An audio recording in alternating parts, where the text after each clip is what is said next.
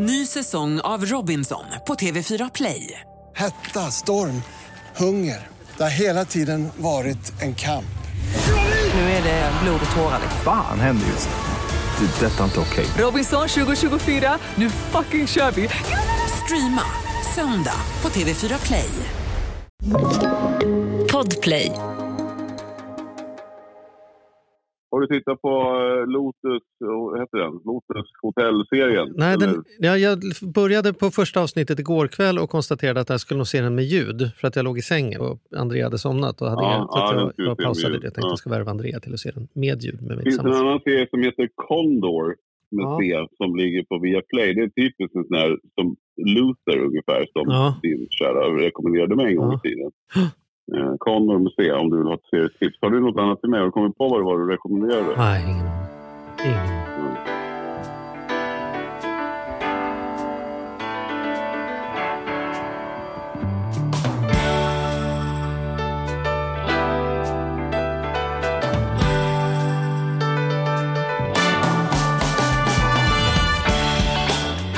Hej och välkomna! Hörrni. Detta är ju ytterligare ett avsnitt av Ekonomi på riktigt med Charles och Mattias.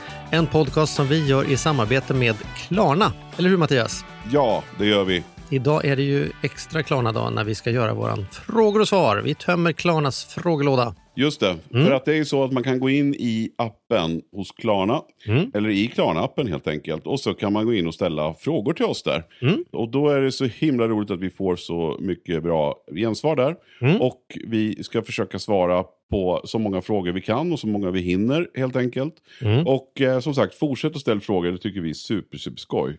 Och sen så tycker jag också att häng med också, det finns så mycket annat bra i Klarna-appen. Vi är ju som sagt en stolt sponsor till Klarna. Det är ju verkligen ett bolag Nej, som nej, har... de är en stolt sponsor till oss, men vi är stolta över att Ja, ha det är dem. så det är. Ja. Mm. Vi är en stolt Ja. samarbetspartner, så Mm. heter det ju. Mm. Precis, där det är så häftigt med eh, att det händer nya saker. De hela tiden utvecklar sig och, eh, ja, och gör det ju med, med yttersta framgången får man säga. Och det är ju verkligen smidigt. Jag vill som alltid ändå säga där att, att vara försiktiga med avbetalningarna, nyttja de fantastiska funktioner som finns, men tro inte att saker blir betalda för att man inte betalar dem i tid. Utan det där gäller att sköta, eller hur Charlie? Det har vi pratat mycket om. Det kan man inte ha lyssnat på den här podden och tycka är oklart. Avsnitt 1A, självklart är det så.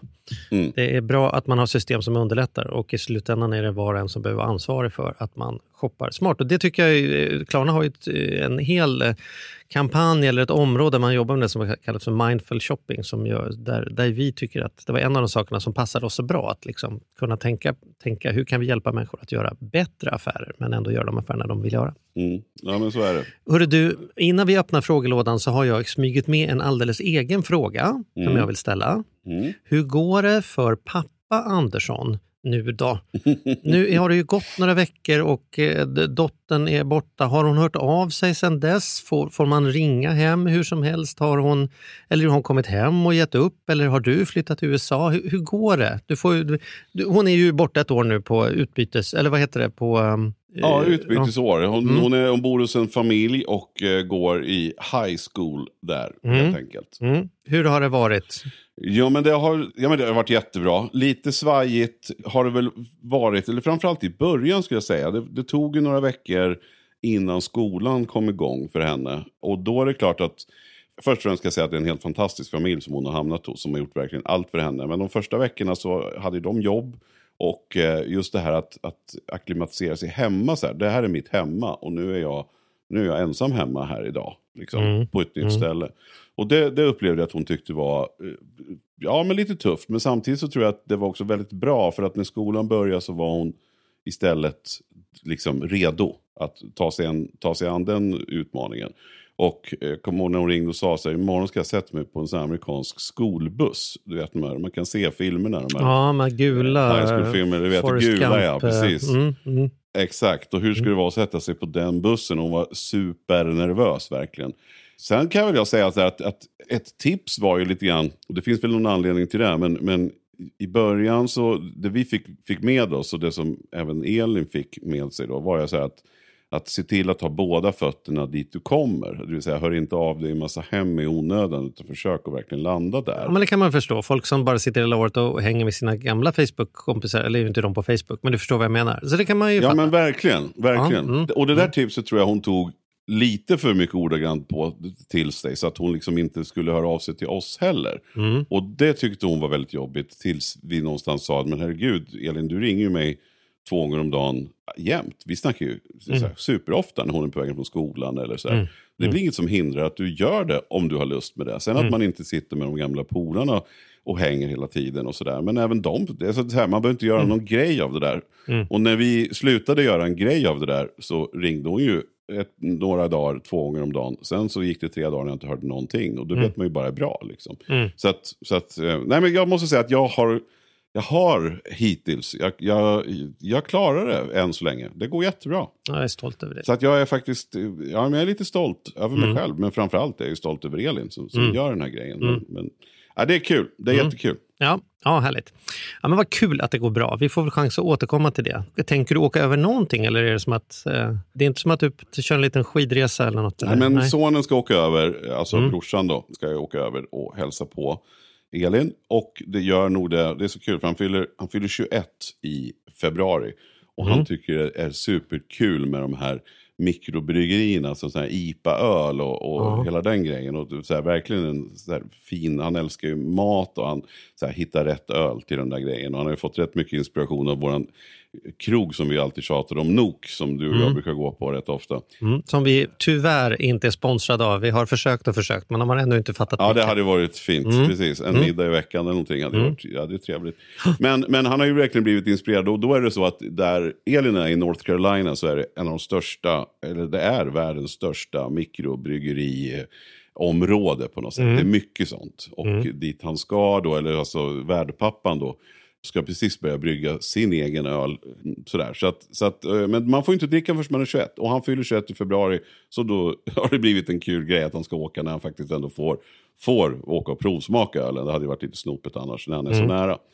Sen tänker vi nog att vi åker... ehm, Men vänta, jag måste förstå. Ska han åka själv då? Och eftersom Elin inte får komma in, ska han åka runt alldeles själv och gå på 100 mikrobryggerier? Jo, men, men de får ju komma in. Det är bara Ja, det de att- får komma in men får inte dricka. Mm. Ja, hon får inte dricka bara. Nej. Men, men sen är vi ju säkert värdpappan. Jag tror inte att, alltså, det är inte så att han ska åka runt och dricka öl hela dagarna. Men klart Själv. det vore snopet. Själv ja. Nej men det vore väl lite snopet att inte få testa den Ja, typen fattar, av fattar. aktivitet. Ja. Mm. Ah, okej. Mm. Nej, men så det är en kul grej. Sen så tror vi nog att de, vi har varit lite kontakt med dem och, och jag tror de är lite sugna ut att resa och deras dotter ska i sin tur på, till Spanien på utbytesår i vår. Och då tänker vi så här att då borde de ju komma och hälsa på oss kanske. Att de kan låna vår lägenhet i stan i, nästa sommar då, om ett år. Så kan man ju ses här. Så att, eh, vi får ju se. Men det känns så nu och de verkar toppen. Så det är planen att de kommer till Stockholm. Ja. Och vi är på landet och så byter vi väl lite där, tänker jag, och hänger lite emellan. Så det, blir, det kan bli skithäftigt. Det blir jag ser fram emot ett annorlunda sommaravsnitt med dig nästa sommar när vi gör det tillsammans med en amerikansk mikrobryggeri-pappa. Ja, det gör vi definitivt. Var ja, men det har vi. Det bestämmer vi att vi gör, tycker jag. Nu ska vi öppna frågelådan på allvar här då. Öppna. Ja, öppna. här kommer Klarnas frågelåda och idag börjar vi med en fråga från Sebastian i Helsingborg. Hej Sebastian! Han skriver så här. Jag har en fråga gällande hur man ska planera sitt sparande när man har oregelbunden lön. Och Det här är en fråga som passar både dig och mig ganska bra Mattias, för det har ju vi provat, både du och jag. Mm. I nästan alla fall nämns att man ska avsätta 10-20% av lönen till sitt sparande. Men det är ju svårt när lönen är olika varje månad. Jag har ett säljjobb som är provisionsbaserad lön som man kan variera mellan 5 000 i månaden till 50 000 i månaden. Hur ska jag då gå tillväga för att hitta en struktur för mitt sparande när inkomsten varierar så mycket att lönen ibland inte räcker till hyran? Tack för en fantastisk podd. Vad säger du? Du har ju både själv haft det så och har ju hundratals klienter du har jämt genom åren som, som har den här situationen att ibland kommer det mycket pengar och ibland sitter man och skriver bok i två år och kommer ingenting. Hur gör man då med månadssparandet? Liksom? Känner du igen problemet?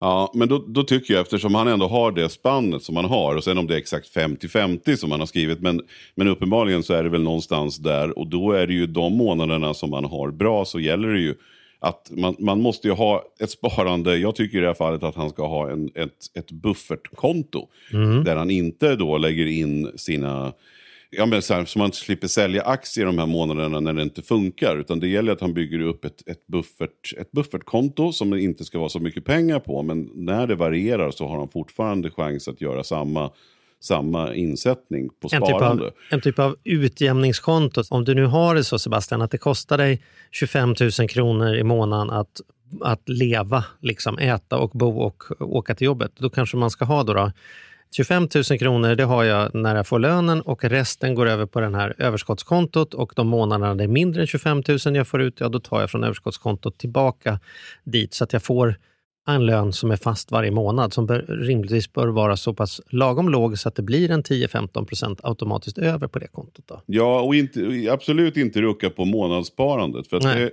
det, jag tycker ju att, att ja, jag har alltid gjort så att jag har haft ett månadssparande och sen har jag satt in ibland mer pengar. Men jag har aldrig, aldrig ändrat på mitt månadsspar, så att säga. Utan går det då bra, jag tror ju då att det här kommer, alltså när, ju mer hans sparande kommer växa, ju mer intressant kommer det bli. Jag tycker man kan bara gå tillbaka ett par veckor i våran podd, så har vi pratat en del om sparande just den här månaden. Eh, och jag tycker att man kan gå tillbaka och lyssna där, att man verkligen har ett regelbundet sparande. Och den ändrar man inte, utan då får han ta från sin, från sin buffert, eller utjämningskonto kanske var Precis. ett bra namn som du sa. Precis. Och är det då så att, att det, han inte ens tjänar tillräckligt för sitt månadssparande, ja då får han hämta från utjämningskontot så att han får till sparandet också, även om det känns som att man tar från ena handen och stoppar till den andra. Men då kan man ha den där automatiska överföringen stående. Precis. Sebastian vet ju förhoppningsvis den 24 hur mycket pengar som kommer den 25, så det kan han ju faktiskt gå in och balansera om det skulle fattas upp. Så är det verkligen. Mm. För att börjar man tumma på det där, det är min erfarenhet, jag har i alla fall sett hos väldigt, väldigt många av mina klienter, att äh, jag behöver inte sätta undan den här månaden, det gör jag nästa. Då, då eller att man ska ringa banken och avbryta eller autogiro eller vad det nu. Kanske inte banken, det kanske Då blir det snarare inte av. Liksom. Nej. Nej, då blir det inte av så det är så lätt att det där, att det där rullar på. Så att jag, jag tror det är superviktigt. Och, och, um, sen blir det väl extremt i det fallet som Sebastian skriver när han faktiskt ibland nästan inte har nått. Men jag tycker att man generellt sett ska ha ett sånt utjämningskonto som en del kallar för semesterkonto till exempel. Att det ska alltid finnas en, en buffert och det har vi ju många gånger pratat om. att vi brukar väl säga att det ska handla om tre månadslöner eller att man i alla fall ska ha så att man kan betala sina utgifter i tre månader om det så är så att man inte får in någonting. Och den, det kontot, den lilla buffertdelen, det, den man ska ta av och den, den tycker jag alla bör ha. Sen har, som sagt vad man nu kallar det för semester, därför att man alltid har en, en likadan lön, så, så är det väl därifrån man får plocka, för sparandet måste ske först. Först sparande, sen, sen resten. Jag gillar det du säger, det är lite som den här man, om man har bestämt att man ska gå 10 000 steg om dagen eller man har en mindfulness-app som berättar hur många dagar i rad har jag mediterat. Har man mediterat 312 dagar i rad, står det i den där appen, då bär det ju emot något överjävligt att gå och lägga sig dag 313 utan att göra de där 10 minuterna. Och det är väl lite så, har man ett stående månadssparande som går automatiskt, automatiskt, automatiskt och det har gått i fem år, då ska det ju mycket till för att man ska bryta det en månad. Men om man gör det lite de månaderna man kommer ihåg och jag brukar sätta in när jag ändå är inne, då är det ju övergripande risk att det blir ungefär hälften av månaden och vips har det gått ett och ett halvt år där man bara, ja just det, det skulle vi göra, men jag bytte bank eller bytte jobb, det har jag inte tänkt på och sen har det inte blivit. Och det är ju tusenlappar några år senare när man börjar räkna efter vad det där blir. Liksom. Ränta på ränta Det är så tydligt med, med mönstret, precis som du säger, oavsett vad det gäller träning eller om det gäller Mm. andra saker så är det ju precis samma sak. Och det, jag tror att det kanske är allra lättast att, att eh, brista det med pengar för att det är ändå någonting man, man, man tänker att man ändå har ju pengar så det är ju ingen fara eller Mm. så. Men det är inte på liv och död kanske på samma sätt. Eller liksom, det är ingen, Mm. så. Men, men nej, men det, så. det är väl vårt gemensamma svar, det kan vi enas om. Bra, det tycker jag. Hoppas att Sebastian är nöjd med sitt svar. Annars får han komma tillbaka med följdfrågor eller andra hot och påhopp. Får jag ta nästa fråga? Då? Ja, gör det. Vi kan växla jag. Kör! Mm. Det är Sofia som har skrivit. Hej, tack för en suverän podd och kul ämne att prata om sparande. Vad roligt att, att eh, vi har verkligen pratat mycket sparande den här månaden. Ja. Jag har just nu mitt sparande samlat hos Nordea i några av deras fonder men flyttar över dessa till Nordnet eller Avanza med större möjligheter och lägre avgifter. Hur ska jag tänka när jag flyttar över pengar från min bank till en annan plattform? Finns det smartare sätt att göra detta för att minimera skatten och andra kostnader? Vill du börja? Just det. Ja, nej, grejen är så här, när det gäller de smartaste sätten att göra såna här saker så är ju inte det min absoluta styrka. Och jag skulle påstå att det är inte riktigt din största styrka heller om man kan göra någonting för att minska en avgift i ena hörnan när man flyttar grejer. Så jag tog mig friheten faktiskt när jag, jag visste att den här frågan skulle komma från Sofia att höra av sig till Jan som vi hade med för två veckor sedan. Vi hotar ju alltid våra gäster och säger får vi någon fråga kan det hända att vi hör av oss och ställer den. Så jag ställde den till Jan faktiskt. Mm. Vill du veta vad han svarar? Ja, det skulle vara intressant att veta. Och se om, jag, om han tycker som jag. Ja, han säger så här. Är pengarna i en ISK, alltså ett investeringssparkonto som vi pratade om för några veckor sedan, så kan man under, under vissa förutsättningar flytta en ISK till en annan ISK, eller saker i en ISK till en annan ISK, eller flytta hela ISK-kontot utan att det får någon skatteeffekt. Det kan man under vissa förutsättningar göra berättar Jan här. Och det kan ta några dagar eller veckor att göra, så om det inte är supermycket pengar brukar han rekommendera att man ändå säljer, tar den skattekonsekvensen som ändå ska tas förr eller senare genom att ta ut det från ISK och sen sätta in den i den nya ISK. Då, då. Mm. Men om pengarna är på ett vanligt fondkonto så uppstår en, en, eh, skattesituation när man säljer i Nordea men det brukar ändå vara lönsamt på lång sikt om man nu hittar en förvaltning där man får en lägre avgift. Då får man ta det lilla plåsterrycket det kan tänkas bli. Men annars så finns det inget sådär skatteundviknings system utan när grejerna går ur ISK eller när det är från ett vanligt fondkonto då, då blir det ju ett sälj och då ska man ju betala för det. Ja, och det är precis, och det är precis vad jag, vad jag håller, håller med Jan fullständigt där. Och det, däremot så, så det jag vill säga är väl också så här att det är viktigt att Sofia kollar noga för jag kan inte, jag vet inte vad Nordea har för typ av fonder och vad de har för typ av avgifter. Men i bästa fall så har väl hon kollat upp det då. Men Mm. jag tycker också det är viktigt att man är noggrann. Absolut att flytta, eh, självklart. Men, men prata också med banken innan. Eftersom hon ändå har pengarna samlat hos Nordea. Jag tror, som vi alltid brukar säga, att, att lägg inte alla ägg i samma korg. Och det, det tycker jag verkligen. Så att det är väl inget fel att hon flyttar några. Men, men sen om det är just Nordnet eller Avanza har jag inga, inga kommentarer till. Förutom att båda är seriösa och att och har generellt sett låga avgifter. Men kolla vad hon, vad hon kan få hos Nordea. Hon kanske inte behöver flytta hela, he, hela konkarongen. Utan det kanske faktiskt är så att, att eh, hon kan byta fonder. Hon kanske kan eh, få ner avgiften. På, alltså hitta någon fond som har lägre avgift och sådär. Och jag vill också slå ett slag för fondrobotarna som vi har pratat om tidigare. Det finns några stycken att välja på, Lysa eller Opti eller sådär. Så att, men det är viktigt också att man inte liksom bara, precis som det vanliga är att man stirrar sig blind bara på uppgång och inte tänker så mycket på avgifterna så vill jag också säga att man ska inte bara titta på avgifterna utan man ska också kolla hur fonden har gått och hur den känns liksom, och, och vad man tror på. Och kanske det sista också viktiga, tänk också gärna på det hållbara. Vi vet väl om inte allt snack som har varit nu med miljön och hela den här grejen så tycker jag för mig är det superviktigt mer än några procent hit eller dit. Att man också faktiskt tänker på hållbarheten. Så, tycker Nu jag. vet ju inte jag hur Sofias situation ser ut. här. Jag tolkar det som att hon kanske redan har ett konto på Nordnet eller Avanza och sen har hon lite gamla saker sedan tidigare på Nordea. Det, det står inte uttryckligen så, utan det kan också tolkas som att hon vill bara börja någonting nytt där borta. Mm. Men om det är så att man har både och, då kan jag ju känna igen mig i att då, då skulle jag säga så här, ja, om jag om de kommande sex åren kan ha ett ställe mindre att logga in på och det kostar mig liksom 249 kronor i skatt i deklarationen, då tar jag de pengarna för att det kommer jag med råge få ihop av att det är enklare och jag kan ha det samlat och jag kan liksom hålla på med det. Över lång sikt så känner jag ändå igen det, även om det blir en liten skatteeffekt här. Men, men det, gör, det finns ju inget som egentligen gör matematiskt att det blir någon större skillnad, att man har det utspritt på 16 olika ställen, utan möjligen problemet med när man ska ha någon överblick, då får man ju börja samla den överblicken i något annat system. Då. Det är inte så ovanligt att man går i pension och helt plötsligt får en pension från åtta olika ställen om man har haft aktivt arbetsliv. Liksom för det ena var på det andra, var på det tredje, var på det fjärde. Liksom. Ja, men så är det. Men, men det är också lätt sådär, alltså jag, jag kan också referera till min son då som, tycker jag, som har verkligen blivit intresserad av och tycker det är roligt med, med att spara och sätter undan, han jobbar extra och sådär. Och, och, och då är det häftigt för då brast han ut här, jag behöver inte nämna någon namn, men han bara titta, titta på den här fondroboten som jag har börjat i, den har ju gått upp 22,5 procent. Mm. Och jag sa just då, ja men då ska du väl bara flytta, så här, varför flyttar du inte över det du har från, på banken då? För vi har ju sparat i en, ja, men olika fonder i banken tidigare som han har tagit över själv då för några år sedan när han blev 18. Men då sa han, ja men varför ska jag göra det? Den här, titta på den här då, i banken, den hade gått 26,5 plus. Mm. Så, att, så att bara för att det är, man kan ju också tycka då som jag säger att låga avgifter är superbra, men men återigen, det kan vara riktigt, och det var en av de fonderna. Sen har ju inte alla gått lika bra såklart. Och det här var ett tag sedan. Men ändå, jag vill bara säga, ha koll. Ja, och för mig bra. så, man kanske inte behöver ha tio olika, men nog kan man väl ha ett par, tre olika och ändå hålla koll på det. Tycker jag. Jag hade en vän som sa till mig i början av sommaren att nu är det dags, nu har jag liksom lite energi över, huset är färdigfixat och barnen flyttade. Nu ska jag ta en ny diskussion, eh, med, förhandla med banken, jag ska byta bank.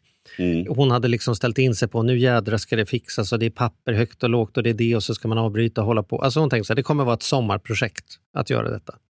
Och I hennes fall så blev det två samtal med banken, den nya banken. Hon fick allt det hon behövde och så sa hon så, okej, så vad är listan nu på allt jag behöver göra för att byta bank? Och då sa de, nej du behöver inte göra någonting, vi tar hand om alltihopa. Det, det är liksom, vi för över allting. Så hon var helt chockad över hur lätt det var att byta. Och där tror jag också man har en ouppdaterad syn både när det gäller försäkringar och lån och när det gäller andra saker. Att man tänker att det är inte värt besväret, för det är så stort besvär att hålla på att byta elavtal eller på att byta det ena, byta det tredje. Oftast är det ju idag väldigt, väldigt smidigt att byta. Ofta är det så att den man byter till kan vara oerhört behjälplig i att göra jobbet för man, de vill ju ha en kund. Liksom.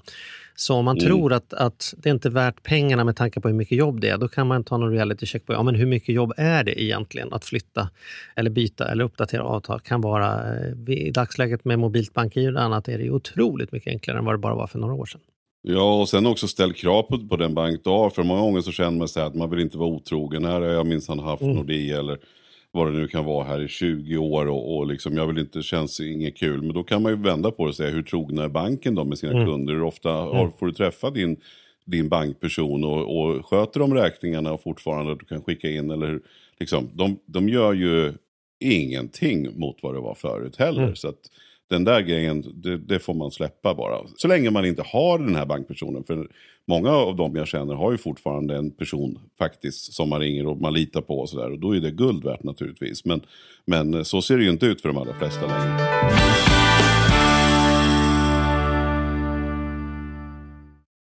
Den här podden gör vi även den här veckan i samarbete med SaveLend. Fan vad kul det är att ha dem med ombord. Mm, jätte, jätteroligt. Ja, vi brukar prata om att man har något band som man såg. Jag stod Bo Kaspers jädrigt tidigt liksom, innan man gjort tv-debut. Och du har något hårdrocksband som du var jävligt tidig på. Ja, alltså jag var på, på Lilla Teatern Göta Lejon och såg Metallica Ja. 1984. Så gammal är jag. Och jag var i kontakt med SaveLend när det fortfarande var typ tre, fyra personer där från början. När jag fick möjlighet att träffa dem. Eh, och nu är de ett stort bolag, fyller tio år, finns på börsen och jobbar helt enkelt med att vanliga privatpersoner och företag kan investera pengar eh, i eh, lån och krediter. Så man får riktigt bra ränta. Så eh, det rullar på efter tio år, bättre än någonsin. Fantastiskt kul att ha dem med här i podden. Gå in, testa, kolla. Vi har en kod som gör att om du öppnar ett konto och använder på riktigt får du dessutom en insättningsbonus just nu. Precis, och vill man veta mer så som sagt gå in på saveland.se. Man kan också lyssna på Ludvig som har varit gäst i vår podd två gånger. Får Ja. man en ännu bättre inblick i Ja. vad, vad det är de pysslar med egentligen. Men eh, ja, saveland.se och stort tack. Ny säsong av Robinson på TV4 Play. Hetta, storm, hunger. Det har hela tiden varit en kamp. Nu är det blod och tårar. Fan händer just nu. Det. är Detta är inte okej. Robinson 2024, nu fucking kör vi! Streama söndag på TV4 Play. Ett poddtips från Podplay. I fallen jag aldrig glömmer djupdyker Hasse Aro i arbetet bakom några av Sveriges mest uppseendeväckande brottsutredningar. Går vi in med hemlig telefonavlyssning och, och då upplever vi att vi får en total förändring av hans beteende. Vad är det som händer nu? Vem är det som läcker? Och så säger han att jag är kriminell, jag har varit kriminell i hela mitt liv men att mörda ett barn, där går min gräns. Nya säsongen av Fallen jag aldrig glömmer på Podplay. Du, nu ska vi ta en fråga som jag tror att, eller jag har hittat på när jag läste den, att säga så att den här kommer Mattias ha saker att säga om. Mm. Så håll i dig nu får vi se om det blir så. Okej. Hej Charles och Mattias! Först och främst, tusen tack för ett fantastiskt podd. Extremt lärande och utvecklande. Han måste prata om min del då, men man längtar efter varje tisdag vill jag påstå. Nu till min fråga. Jag har drivit enskild firma i sex månader. Han är enmansföretagare och har endast plockat ut en blygsamma 60 000 kronor i eget uttag under den tiden. Vilket gör att jag har en hyfsad buffert i företaget. Nu har jag omvandlat till aktiebolag och funderar en del på hur jag ska lägga upp det angående lönen. Jag har gott flöde på inkommande arbete och relativt låga utgifter både på företaget och privat. I nuläget uppskattar jag att jag kan omsätta ungefär en miljon kronor per år får man väl anta. Bör jag ligga på en hög lön eller något lägre och sedan ta utdelning? Vad är smartast? Tacksam för svar. Och det här var du inne på bara för någon vecka sedan när vi hade en av våra gäster som sa så här, ja, men du vet väl om ut, hur du har lärt dig med utdelningsregler och sådana där saker. Så har vi något enkelt utan att börja hålla bokföringskurs här? Hur ska man tänka då om man har startat ett bolag med det här med att ta lön kontra att ta annat? Liksom? Ja, och en aktieutdelning är ju att man har rätt att få ut en, en peng ur bolaget till en lägre kostnad, det vill säga till 20 beskattning. Mm. Och där är det ju så då att, att jag tycker att det finns alltid en poäng, dels för den allmänna pensionen och för ja, men en, en massa olika anledningar tycker jag att man ändå ska försöka plocka ut en lön man kan upp till statliga skattegränsen. För då plötsligt så börjar man betala mer skatt. Och, och, hur mycket är gränsen för statlig skatt? Hur mycket ska man tjäna mer än för att betala statlig skatt? I år så är det 537 200 per år, vilket är då 44 800 kronor i månaden. Så Mhm. upp till den summan tycker jag att man tar ut lön.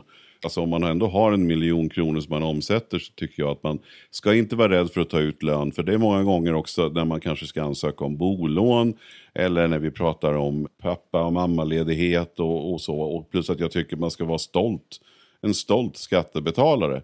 Så att där någonstans tycker jag att man ska försöka gå upp till den gränsen. Mer än så också tycker jag kanske inte att man behöver. Så att för, för mig har det varit så att jag, och det är inte för, för, att på något sätt liksom utnyttja samhället, men det vore ju hål i huvudet att betala mer om jag inte behöver mer. Och det vore också knäppt att inte använda utdelningsreglerna som de finns. Så länge man håller sig inom, inom lagens ramar. Så att mitt tips är faktiskt att ta ut då pengar upp till statliga skattegränsen. Och då gör det också att du kommer få utrymme och du kommer att kunna ta en aktieutdelning. Vi hade ju nu senast de här coronareglerna som var. Nu, nu eh, liksom, sen kan man haft en verksamhet där som inte kunnat funktionera normalt. Då hade han ju kunnat få sin lön, delvis i alla fall, betalad några utifrån bidrag med tanke på coronaläget. Men har han inte tagit ut det som lön utan bara liksom, eh, jag har fakturerat lite, jag tar väl det vid årets slut som aktieutdelning. Ja, då hamnar man ju i ett annat läge. Så att man vet ju aldrig hur världen ser ut. När behöver man sjukpeng? När behöver man föräldrapeng? När behöver man arbetslöshetspeng och så vidare. Och då är det ju bättre att ha en rättvisande lön, åtminstone upp till den nivån då, kan man väl konstatera. Ja, och sen tycker jag också så här, nu när han har startat företaget så här, så tycker jag det är viktigt att tänka på det här att många jagar liksom och känner sig, ja, hur mycket kan jag få i aktieutdelning, hur mycket kan jag få i utdelning? Jag tycker också man ska tänka, det, det handlar ju om att få, när vi pratar här nu så är det ju egenföretagare, men där man inte har andra aktieägare. Men jag tycker det är viktigt också att man ska tänka på vad, vad är bäst för bolaget som också kommer vara bäst för mig så småningom som aktieinnehavare. Jag menar, den här- den här gränsen som vi pratar om nu, eller däromkring, är ju sannolikt så pass mycket pengar så att man klarar sig gott på den lönen. Är ju en väldigt hög lön måste man ändå säga, 44 000. Men sen så kanske det är då bättre att man kan istället investera i företaget för de här pengarna. Kan man hitta investeringsmöjligheter som kan ge dig själv ännu en bättre avkastning längre fram. Så är det ju mycket bättre att behålla vinsten i företaget. För att tar du en aktieutdelning så minskar ju det också vinsten på bolaget på det sättet. Då är det Ja. ju mycket, mycket bättre att ja, men kolla vad man har för investeringsmöjligheter. Och det kan vara allt ifrån att även bolaget kan spara pengar i olika fonder eller aktiefonder eller vad det nu kan vara och sen så bygga på för att man kanske behöver kunna investera i företaget. Och sen beror det naturligtvis helt på vad man håller på med. Om det är ett bolag som man bara använder för att få ut en lön ur det eller om det faktiskt kan vara så att man vill investera i maskiner eller vad det nu kan vara som, som man kan tänkas behöva. Så att det är inte så enkelt att bara ge ett svar på den här frågan som ni märker. Men, men tum, bra. tumregeln Mm. får vi Mm. väl ändå gå på är att, att plocka inte ut mer lön än vad du behöver och i alla fall inte över statlig skattegräns. Men, men håll inte på heller att tro att man kan liksom snika för då kommer du inte få det utrymmet i alla fall. Så att, eh, det är alltid bra och jag tycker det är fint att betala skatt. Ja, precis. Jag hoppas Andreas att du kände att du var nöjd med ditt svar. Vill du ta nästa fråga eller ska jag ta nästa fråga? Nej, ta nästa du, om du ändå har den framför dig. Ja, jag har den framför mig nu. Fråga om att sänka kostnader. Hej, jag lyssnade på avsnittet med Jan om budget och har efter det jobbat ihop en egen budget. Mm. Jag har sedan dess letat efter nya sätt att hålla nere mina kostnader. Vad är era bästa tips för att sänka sina kostnader och vart betala många mer än nödvändigt? Det här är tycker jag då, om, om det andra var en min-fråga så är det väl det här en, en Charlie-fråga tänker jag. Ja, men till att börja med vill man ju då, då här är det ju tråkigt att behöva inleda så här, men jag måste säga, här måste man nästan göra en liten brasklapp. För det är ju så här, nummer ett, det är ju väldigt olika.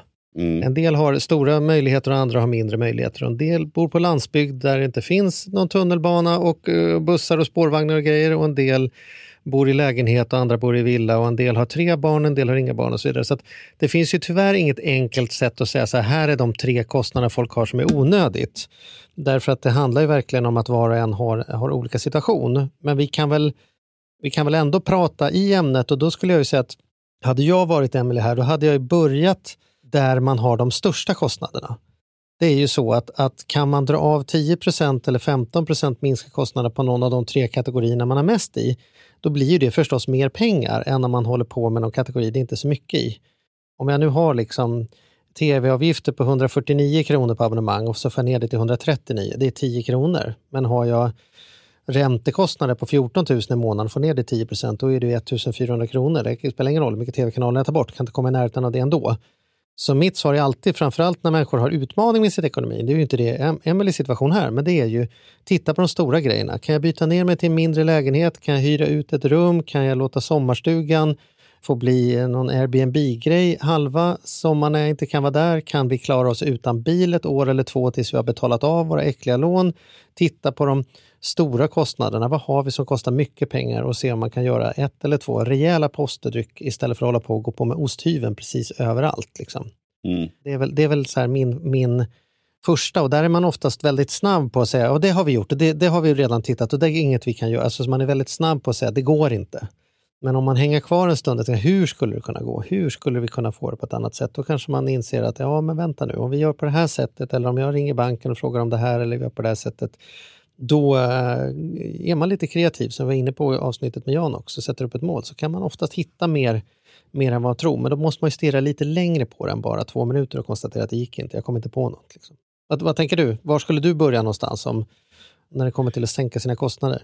Nej, men självklart så ska man titta över de här standardgrejerna, abonnemangen, elräkningen och de här sakerna. Men framförallt tycker jag att man ska titta på och även mathandlingen. Alltså, det är så otroligt lätt att man kan, alltså för mat kan man ju handla verkligen dyrt alltså. Och Mm. köpa fel saker, halvfabrikat och hela den här grejen. Då. Så att, men, men det här tror jag inte är några nyheter egentligen. Utan jag, jag tror mycket det handlar om att, att prioritera. Vad är viktigt? För, det som, för en del är det väldigt viktigt med en bil. Kanske av både underhållningsskäl men också att man faktiskt måste ha en bil. Och då, då får man ju verkligen tänka till då. Medan du då istället känner så här, jag, jag tycker inte det är något roligt med en bil överhuvudtaget.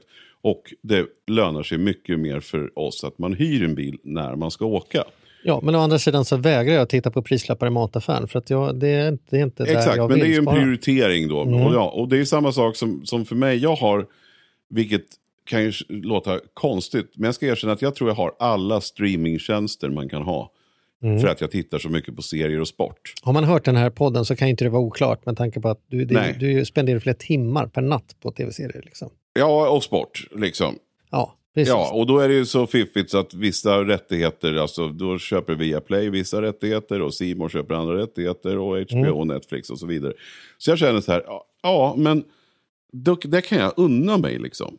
Och då, då tänker jag så här, om jag kan köpa en dosa snus, vilket också är några dumheter jag håller på med, som jag, nu lägger jag fram alla mina kost, onödiga kostnader, fast det är inte det. Snuset är ju en jävligt onödig kostnad och kostar eh, liksom 30 kronor om dagen. Men jag ska inte då ta HBO som kostar 200 spänn i månaden. Alltså det är inte rimligt. Det är ju det är hål i huvudet hur man diskuterar då. Då får jag väl till att börja med sluta snusa och sen titta på det som ändå ger mig någonting som jag tycker är vettigt. Och som, liksom. Så att jag, jag tycker att man ska också, där någonstans, alltså nu, nu vart det lite konstigt här, men fattar du poängen? Förstår du vad jag menar Charlie? Att det är så här, Ja, jag tycker man ska, i, i prioriteringen så måste man ju titta på, på sig själv. Vad är viktigt och vad är det som vi vill ha? Jo, men jag Och håller då med. kanske man ska Ja. dra ner på biobesöken. Man kanske kan vänta liksom på filmerna tills de kommer hem, eh, så att säga. Eller man kanske ska strunta i den här. Vi, vi tar inte den här. Vi hämtar inte sushi nu för hela familjen. För det kostar ändå 450 spänn. Och så dricka på det eller någonting. Utan då stannar vi där för att unna oss någonting annat. Och då utgår ju allting ifrån hur mycket man får in. Så att jag menar intäkten i budgeten är ju den första saken som man måste veta. Vad har vi och för pengar att röra oss med egentligen? Och sen räknar man av då eventuella saker som man inte kan. Jag menar månadsavgiften slash hyran. Eh, alltså boendekostnad kan vi titta där. Och sen så tycker jag att det finns jättemycket pengar att hämta som vi sa på elabonnemang och den typen av abonnemang. Alla typer av tråktjänster, alltså tjänster där det inte känns ingen, huset blir lika varmt oavsett hur mycket man har betalat liksom per Ja. kilowattimme. Där finns det ju ingen poäng att hålla på att lägga extra pengar överhuvudtaget. Om man tycker att en handväska är finare än en annan, då kan man ju förstå att de vill lägga mer pengar på en handväska som har ett visst märke. Men el kan det vara svårt att säga att jag vill ha ett visst märke på el. Jag tycker vatten, Vattenfalls el smakar mycket godare när den mikrar maten än någon annan mat. Det, det är liksom bara försäkringar, samma sak. Får jag samma värde, betalar den lägre kostnaden, räntor, Ja. samma sak där. va. Om vi förutsätter att ur ett rättvis och miljöperspektiv och så vidare är samma. Men det är Ja visst, fråga. och sen kanske man ska fundera på hur många filmer tittar jag på i månaden. Ah, ja, ja, vi är inte så filmiga, vi, vi spelar mest sällskapsspel hemma. Så Mm. att vi, vi, vi tittar nog kanske på en tre, fyra filmer, en i veckan. Ja, men då kanske man inte behöver ha tre streamingtjänster. För jag är säker Mm. på att man kan plocka ut tre, fyra bra ur en streamingtjänst. Så, att, så att jag tycker mycket handlar om prioriteringar. Och så länge jag eh, ägnar mig åt att snusa så ska jag bara hålla käften när det kommer till andra kostnader. Om jag ska klaga på, särskilt på min, på min familj eller mina polare, så här, hur kan du gå och köpa det här liksom? Det kostar ju 200 spänn. Ja, men då kan jag sluta snusa innan jag yttrar mig. Förstår du vad jag menar? Mm. Det är bra. Det är färdigt argument när du går på mig mitt flaskvatten när jag köper en flaska mineralvatten. Då, då vet jag vad jag ska Ja, säga. exakt. Lägg Det in en snus lika och mycket hål i huvudet. Ja. Det, är, det är lika dumt som att snusa faktiskt. Nej, det är det inte. Det är det inte. Det har i Jo. alla fall ingen långsiktig negativ hälsoeffekt. Det kan Nej, det vet man inte. Det, det finns forskningar som visar att det inte är så farligt. Nej. Men vatten är ändå, och såvida man inte var på Titanic så är ändå vatten allt som ofta hälsosamt att få i sig. Eller hur? Det kan vi väl ändå. Ja, okej. Ja, fast en bubbelflaska vatten i Sverige för O- 30, okej. nej. Mm. nej. Men jag har en Sodastreamer hemma nu sen du har varit på mig. Och det, så att, eh, absolut. Och Primus tycker till och med att det är roligare att göra vattnet själv än att bära hem det. Så det är också, ja, absolut. Hinner vi med en fråga till? Det är klart vi gör. Mm. Hej på er! Jag är en trogen lyssnare och jag lär mig nya saker i varje avsnitt. Jag har flera gånger hört Charlie nämna att han ofta hyr olika saker från verktyg till bil. Hur fungerar det i praktiken? Finns det några bra hemsidor eller appar att använda sig av? Hur går det till i praktiken? Undrar Helena i Götlaborg. Ja, Och sen så tackar de från en superbra podd. bra. Berätta då. Ja, då tänker jag så här, det här är ju en, bara en googling bort. Vad helst det är som man vill få tag på så skriver man bara hyra och sen skriver man ordet. Och då lovar jag att alla de här tjänsterna som har såna här saker, de har gjort ett gediget arbete. De har flera såna här Cuba Cola killar sittande i källaren som inte gör annat än att skriva upp det. Nu skulle jag ha en fest i, i somras eh, med eh, cirkustema och då tänkte vi att det coolaste hade varit mitt ute i skogen i det här tältet vi hade att ha en sån här stor popcornmaskin liksom med hjul. Det luktar gott och popcorn. Det, finns få saker som känns mycket cirkus som popcorn. Men då inser man efter en fest är man inte sugen på att lägga 6 000 på att köpa någon popcornvagn. Liksom. Men då var vi inte dummare än att vi skrev in hyra popcornvagn. Bam, hittade att vi kunde hyra en för 80 kronor per dygn i tre dagar och så helt plötsligt så, så hade vi en popcornvagn. Skjutsa, hämta, färdigt, klart. Fan vad du är stolt över din popcornman. Du vet att du har Ah, berättat om den en gång ja, tidigare det. Du ser, men de hör, fo- folk behöver höra mer om popcorn. För övrigt är popcorn den bästa snackset. Det är så gott och det är nästan nyttigt. Det är som flaskvatten. Vi släpper den. Ja. Men sen ska jag säga så här, det, det som är bra med de här hyrtjänsterna, Hygglo är en sån klassiker man kan ha. Man, kan- folk lägger upp saker på Blocket, det finns, men det är också ibland kan hyrtjänsterna har jag märkt varit, om man ska ha level 2, prova också att låna. Lägg upp på Facebook, vem har vem har en borrmaskin jag kan låna i helgen? Vem har en, en, en bil som bara står? Vem har en sommarstuga min familj kan använda under... Eh, vi har olika, Uppsala och Stockholm har olika sportlov och så vidare. Så ehm, ja, jag eh, bytlånar lika mycket som jag hyr faktiskt. Jag skäms inte efter att fråga. Trots att jag hade råd att gå ut och köpa det själv så tycker jag Folk har saker som bara står och blir oftast ganska glada om de kommer till användning. Liksom. Ska på maskerad, vem har en sån här maskeraddräkt? Bam! Ja, jag har den, den hade jag förra året. Ja, men precis. Och jag, jag tycker också det är faktiskt det är verkligen en googling bort. För att skriver man hyra verktyg eller hyra det här, hyra det här. Mm. Så, så är det ju fantastiskt tycker jag hur, hur det har blivit. Och jag kommer ihåg, det var, när du berättade om just det här. Jag tror det var Hygglo första gången du berättade om att bara Mm. så här, en skruvdragare tänker man ju kanske. Man fattar att man kan hyra en markvibrator om man ska bygga en carport eller Mm. något sånt där. Det, det fattar man så här. Det kan man inte gå och köpa för 30 000, då måste man ju hyra en. Liksom. Eller ta in tjänsten kanske. Men, men vissa saker känns givna att man kan hyra. Men att man kan hyra en skruvdragare Mm. tänker man kanske inte på.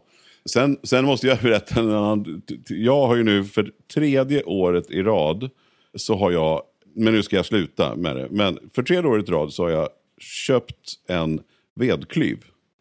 För att jag gör av med mer ved på landet än jag trodde att jag skulle göra. Men varför slänger du den? Eller var- varför köper du tre vedklyvar? Jo, men det som varit häftigt är att det har varit en ganska bra affär. För att den första vedklyven köpte jag för 4 000. Och sen så sålde jag den efter sommaren för 3.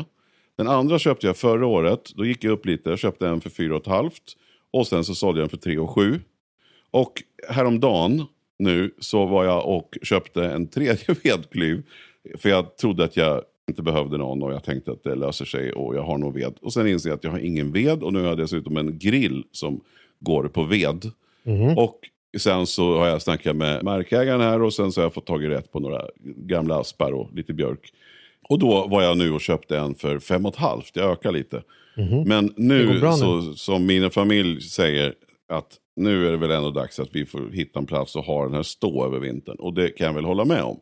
Men det jag menar är att det man också kan ju faktiskt göra, för det jag också hade kunnat gjort, hade ju kunnat hyrt ut min vedklyv. Eller när, när du har skrivit så här, någon som känner någon som har en vedklyv så låna ut. Så hade jag med glädje lånat ut den där. För de där, de där kan klyva bra många mer vedträd än vad jag någonsin kommer att behöva i timmar. Liksom. Ja, ja. Men det fiffiga var ju att jag tittade på nätet då, det var inför förra året. Då visade det sig att det var ju så här 80 spänn om dagen eller 1000 i veckan. Och jag Mm. har en rygg som inte klarar att stå och eh, klyva ved och bära virke fram och tillbaka. Utan det, det tar en månad kanske för att jag ska få upp ett förråd. Man kan gå och klyva lite här och lite nu. Och då tycker jag att det är en ganska liten kostnad att man då köpte den, använder den och så säljer man.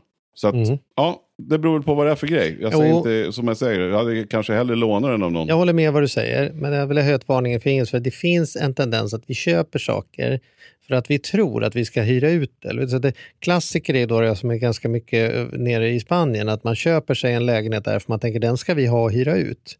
Och så frågar man tre år senare, hur vart det med uthyrandet då? Nej, vi kanske inte har kommit igång med det. Så att då måste man känna sig själv och veta, köper jag vetkluv nu och på riktigt kommer hyra ut den eller är det bara ett rättfärdigande för att kunna, som jag säger när jag kommer hem från Bauhaus, bara för att kunna, jo men du vet den här ska jag hyra ut, så det, det, det ja, har du. Kommer det bli någonting av med det? Vågar du låna ut dina verktyg till någon annan? Så är man sån, absolut. Är man inte sån så är det bra att man inte hamnar i någon sån här själv, självlögn heller och börjar fylla verktygslådan med saker för man tänker de ska jag hyra ut. Liksom. Mm, verkligen. För det har jag också gjort för mycket. Så att, Ja, eh, det är ingen okej. snack om saken. Men Mm. det handlar lite grann om att man måste bestämma sig också. Att köper jag den här så ska den också säljas sen. Precis Ja. som man köper in något nytt så får man sälja först och sen. Men det här Mm. har faktiskt varit ett, ett väldigt bra sätt för oss då. När Mm. man heller inte, jag har inte vetat heller att kommer jag komma åt någon ved eller Mm. ska jag behöva ringa och köpa färdig, färdig precis. ved. Ja. Och då pengaskillnaden mot att, ja, nu ska vi inte prata om att man åker till en mack och köper ved för då blir man ju ruinerad på kuppen. Mm. Men, Mm. men det finns ju jättebra ställen man kan köpa fin ved och sådär. Men den kostnaden för den här vedklyven nu när jag ändå har, har materialet så att säga så är det bra mycket mer lönsamt. Så att, Mm. för mig har det varit toppen. Det Mm. var lite skönt att få känna, kan man ringa och skryta så här, fan idag har jag varit ute och huggit ved. Sen att det var en vedklyv som gjorde det, det behöver man inte säga kanske. Då vill jag bara tillägga på Helenas fråga här att hur funkar det i praktiken så är det ju så att om man använder någon typ av de här företagen som inte gör annat än förmedlar den här tjänsten.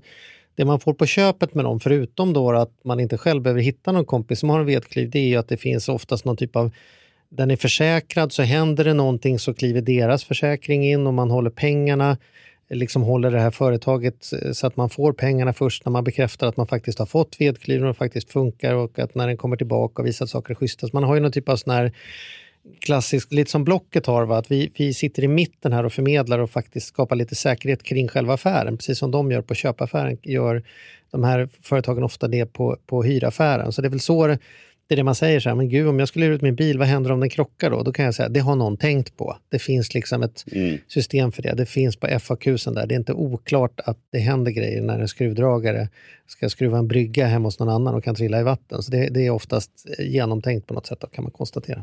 Men här Helena, men tycker jag, eh, föreslår vi www.google.se. Ett fantastiskt verktyg för den som vill hyra genom att skriva in hyra och skriva in det du vill ha och så kommer du bam få upp ett par härliga förslag. När du går till Bauhaus och köper en tapetångare kan du konstatera att du kan också gå till kassan och bara hyra den. Det går till och med hyra där de går att köpa oftast. Sådana saker. Mm. Mm.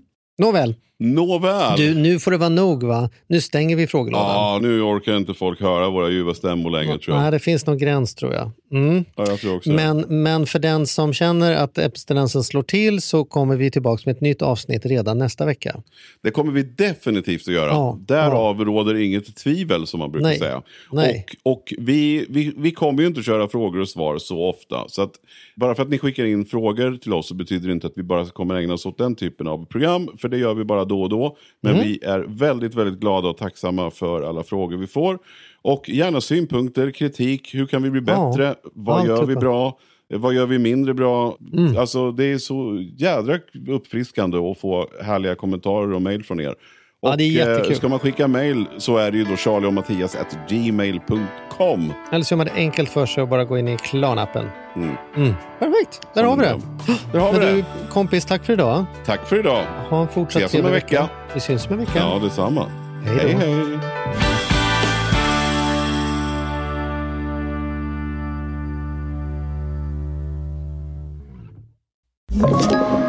Podplay. Ny säsong av Robinson på TV4 Play. Hetta, storm, hunger. Det har hela tiden varit en kamp. Nu är det blod och tårar. Fan händer just nu. Det. är Detta är inte okej. Robinson 2024, nu fucking kör vi! Streama söndag på TV4 Play.